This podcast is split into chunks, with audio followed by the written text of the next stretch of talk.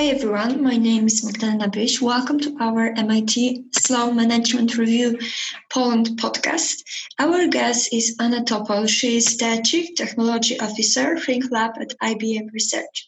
Today we talk a little more about AI, artificial intelligence, but in the context of this global trend of AI for good. It's a pleasure talking to you and thank you for taking the time. It's really my pleasure to talk about this exciting development and technology. What areas does AI have the greatest impact, especially in the context of social impact? As a scientist and a problem sol- sol- solver, uh, I always comment that if we want the greatest impact, um, then we have to look at something that is challenging, something that is uh, multifaceted. And yes, um, we see AI right now creating pictures, AI creating music, um, AI creating deep fakes, right? So there's an impact of AI on our lives. But if we really want this uh, great impact, then we have to look at challenges and problems that are difficult for us humans, right? And so, in this context of difficult problems, um, we should look at things that we are just scratching the surface of. Um, things like poverty, injustice, um, access to clean water, access to medication, climate, um, emerging diseases, right? Th- these are the, the true challenges uh, that we are just tackling. Um, um they're going to require new technologies, new solutions, um, and they require multi teams to work together. Um, and from from the variety of projects that that we've seen at IBM working on, right, for science for social good and AI for social good, uh, these are truly the amazing projects um, that not only helping us do something that is very important and challenging, uh, but by the way, but actually teaches us to be better scientists, better engineers, better developers, um, and, and I, I, think that's that's the most important piece. Um, I, I, have a few examples of the projects we work on. Uh, we worked with um, Cary Institute um, in Millbrook, uh, New York. That's the uh, institute that works on uh, ecosystem studies. Um, so we worked with them um, specifically looking at Zika virus a few years ago. And, and, and, the comment is that we know that um, three out of four um, infectious diseases in modern infectious diseases come from animals. We have examples now of COVID, of course. Um, sometimes we know very little of which animals are the reservoirs of those uh, viruses. And so we are trying to use um, AI to learn as much as possible about the animals we know that can carry those viruses and then help us understand um, how this disease spreads, help us understand um, more proactive ways to eliminate eliminate those diseases, right? Um, there, there, are many, many other examples. Um, we've worked with um, different projects. Um, these are the projects that, um, in that particular case, focus on poverty. So we worked with an organization that is called the Neighborhood Trust. Uh, those are the NGOs that provide financial counseling to people of the low income. And you know, in the United States, three quarters of the populations are people who live from paycheck to paycheck. If something happens, um, they need to go emergency, you know, visit the hospital. You know, they have such a unfortunate high risk of falling into, uh, you know, the lowest class of poor people, right? But so we want to help them. We want to provide financial advice for them. But we all know that uh, financial counseling is not only expensive, but it's also hard to find, right? And so, how do you create AI models, AI financial advice that learns about human behaviors, learns about human strategies, right, to help um, be more of the solutions for people who are actually in need? And so forth and so forth right and so i i think that you know the future is ahead of us and, and we still have so many opportunities to, to truly use AI for, for those big challenging projects we have ahead of us. Uh, could you tell more about IBM Watson and how can Watson help and use in the of course, in the business, for example? Yeah, so so I think the uh, COVID nineteen gave us a really mm-hmm. great examples, right? And, and I'm, I'm just going to use the um, you know IBM Watson for Citizen, right? Uh, mm-hmm. This this this this is an example where AI can very quickly read mm-hmm. through various documents, can very quickly look at the changing uh, documentation, and very quickly provide an information for people. Because I, I, think we've always thought of um, Watson as, you know, we've seen it helping doctors, and and I think sometimes it was hard for us to uh, think of how how would it help any any one of us, right? And to have this citizens assistance, you know, having many governments use this capability to through digital or mobile or through phone um, be able to very quickly advise citizens it is a you know very visible aspect of, of our life that, that will stay with us. Um, and i think so this is this is where we have to um, really look at it. Uh, we live in times when there's a lot of data coming at us and it's really hard for any one of us to continuously read this data digest the data understand what does it mean to us. And so so having systems who are very good at digesting combing through um, you know those volumes of, of data is very important so stepping from watson right looking at similar technologies uh, during covid-19 uh, that becomes extremely and post covid-19 right when we still are looking for development of, uh, of new solutions for uh, for for the scientists and the doctors, right? Um, the, one of the tools we created is uh, related to allowing people, scientists specifically, to look at the big databases. Um, you know, last time I looked at um, this, this this discovery tool had over 150,000 documents that we are looking through, right? Because we constant continuously um, develop new techniques, new technologies, new findings um, and, and, and to provide it to the specialists so that they can continuously look at this new data is in, incredibly important. And so those type of solutions, I, I think, will, will be the ones that change our ability to develop science better and faster and bring it closer to the market. What is the impact of AI in the post-COVID reality, in the new normality? When COVID 19 came, I think the, the first thing we noticed is this um, the fact that AI in some way help us push the transfer, the digital transformation. And, and I think that that is the important part because many companies, many enterprises were on a path to digital transformation. Um, but as we know, the uh, transition to new technologies, deployment of the new technologies takes, takes often very long time. And, and I, th- that's what I wanted to comment on.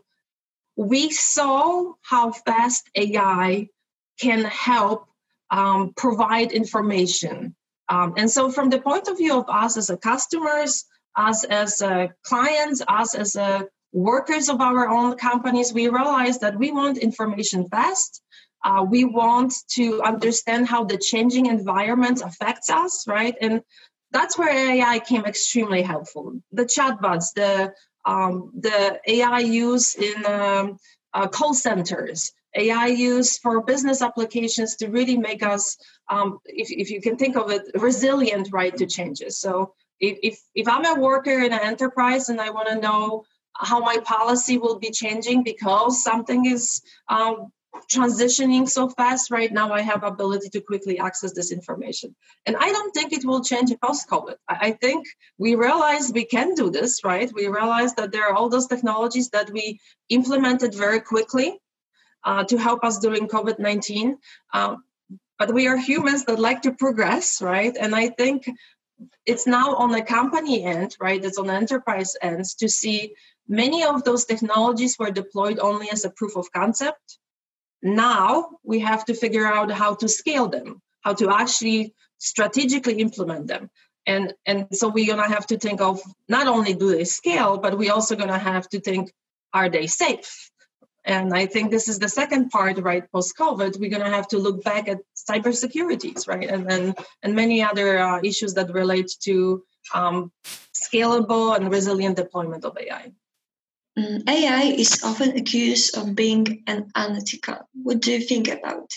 So I would say the following: um, uh, AI right now is touching a very sensitive part of our lives um, education, uh, criminal justice, uh, health, right? And so, so there's there's no no no um, no surprise that we're all talking about can we trust AI because it really is, is important to us. So what we have to look at is the following: um, when we first developed AIs, we were proud to say the algorithm is um, successful because it's 90% accurate, right? I mean, like first we were thinking of it as any systems. Accuracy is important. But we really quickly decided, realized that that's, that's not enough. We have to understand uh, and that we have to make sure that decision making that is made by AI does not negatively impact humans or communities. We have to make sure that we understand AI, the reasons why AI uh, provide some type of decision making uh, um, um, suggestions we also have to make sure that um, AI cannot be manipulated, right? So we have to make sure that the AI is uh, secure and robust, right? And so then now we have to ask, what does it mean to trust AI, right? In this new perspective, and we have to remember that um, the way AI comes to play is we train it on the data. That that's how the AI works, and we have to also admit to ourselves that as humans we are not perfect. Um, we, do we want it or not, um, our um, decision making, our conscious, unconscious bias, right, uh, is part of, of the way we think, the part of the way we operate. When AI is trained on this data, it picks up the patterns from this data, then it automates them, and then it scales it. And so the key point is that we have to then understand what is now being done with this AI. And that's why we spent, you know, over the last few years, we spent a lot of time educating people that we have to create new tools, new algorithms, new methods, checkers, right, that will allow us to check our own creation, right? And not, by the way, not just AI, the data that uh, AI is trained on, uh, most importantly. And so around two years ago, we deployed um, uh, toolbox that is called um, Fairness AI Fairness 360. And I think this is the very important part because to date, it is the most comprehensive tool that has over 70 different uh, metrics uh, checkers that allows you to test your uh, algorithms for bias. Um, it most importantly provides algorithms for all different industries that allows you then to change the bias data, right, to either minimize or take out the bias from, from the data. And there's many, many industrial um, training materials right now because the, the, the biggest part is the practitioner training. We want to make sure that everybody who's developing AI considers this as a fact, right? We have to be looking at biases. We have to be looking at uh, uh, trained data. We have to look at our models. And that's why we made this tool open source because this is, you know, a big problem. This is a big challenge that um, that not just one company will solve.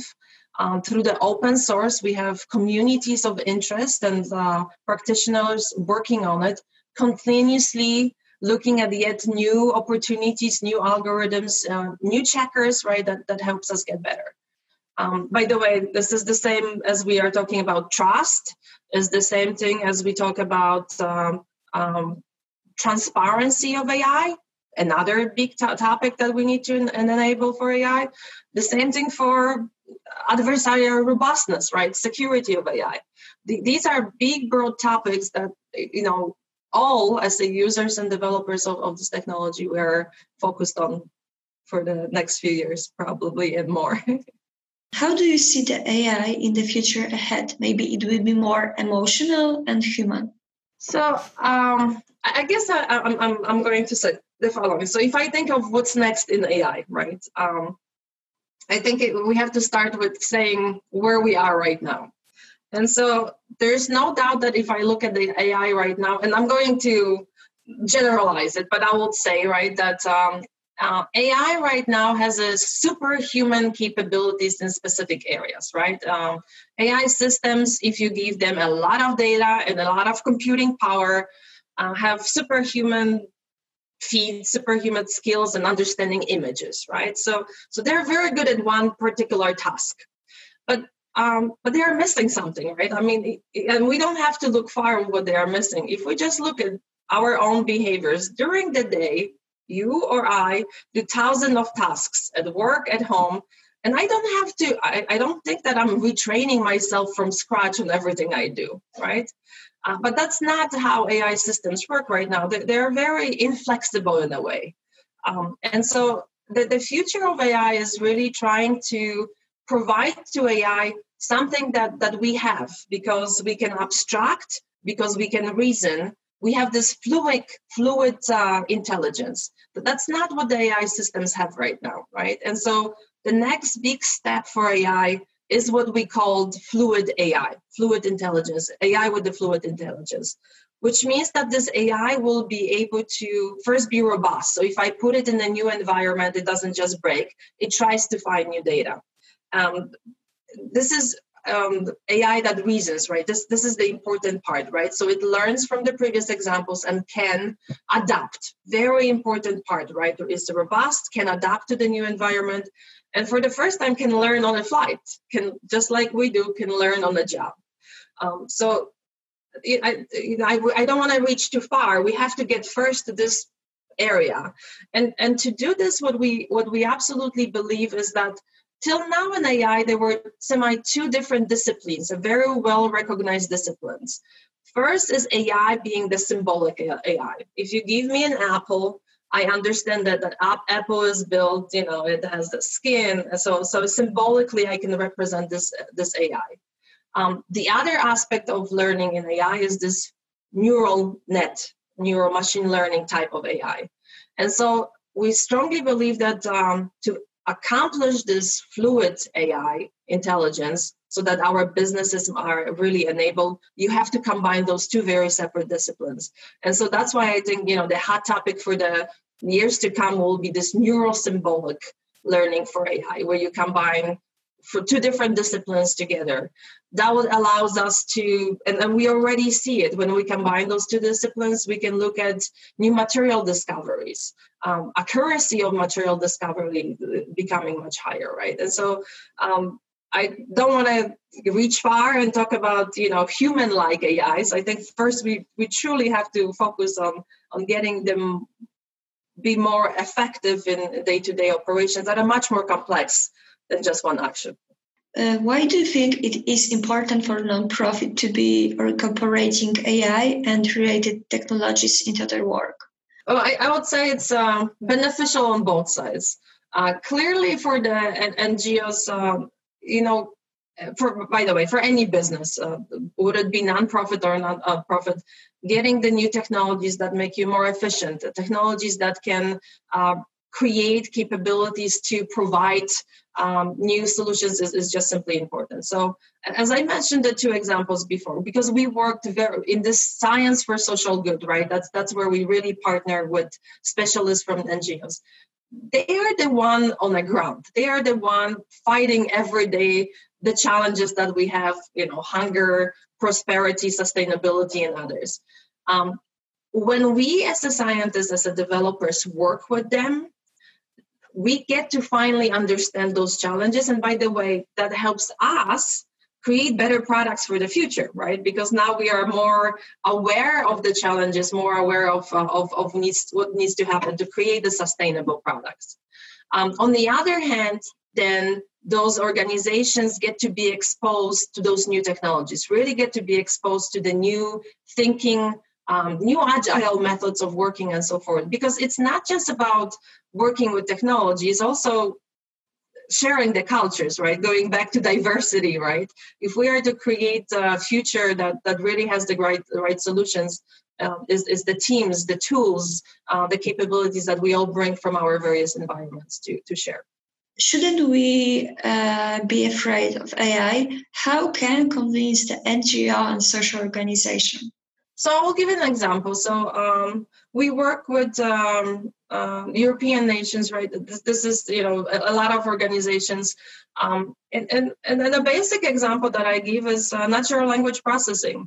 um, there is massive number of documents that have to be read, understand, uh, that talk about policies, that talk about um, government strategies. And, and, it's actually very hard to decide if, when you read through those documents sometimes, uh, what was the roadmap? What is the strategy? Are we reaching the goals we were first discussing we're going to have, right? And so um, I, I, think, yes, uh, a lot of uh, uh, social organizations are still worried about the use of AI, but, but my comment is um, that if we look at the aspects of AI that are helping our job to succeed, um, I think that this this this is the where where where we need to really look at. Um, every organization has uh, a specific bottleneck. Every business, uh, and again, for NGOs or not, any enterprises, right? Uh, we have a specific bottlenecks uh, that if we only had a tool a skill and the next person to help us with that one particular aspects we could do, do doing better or we could be doing other things that we want to do right? That, that's the aspects of, of ai that we really want to focus on. Um, automation is one of them right? Um, for, for data science I, I, I, comment on this all the time.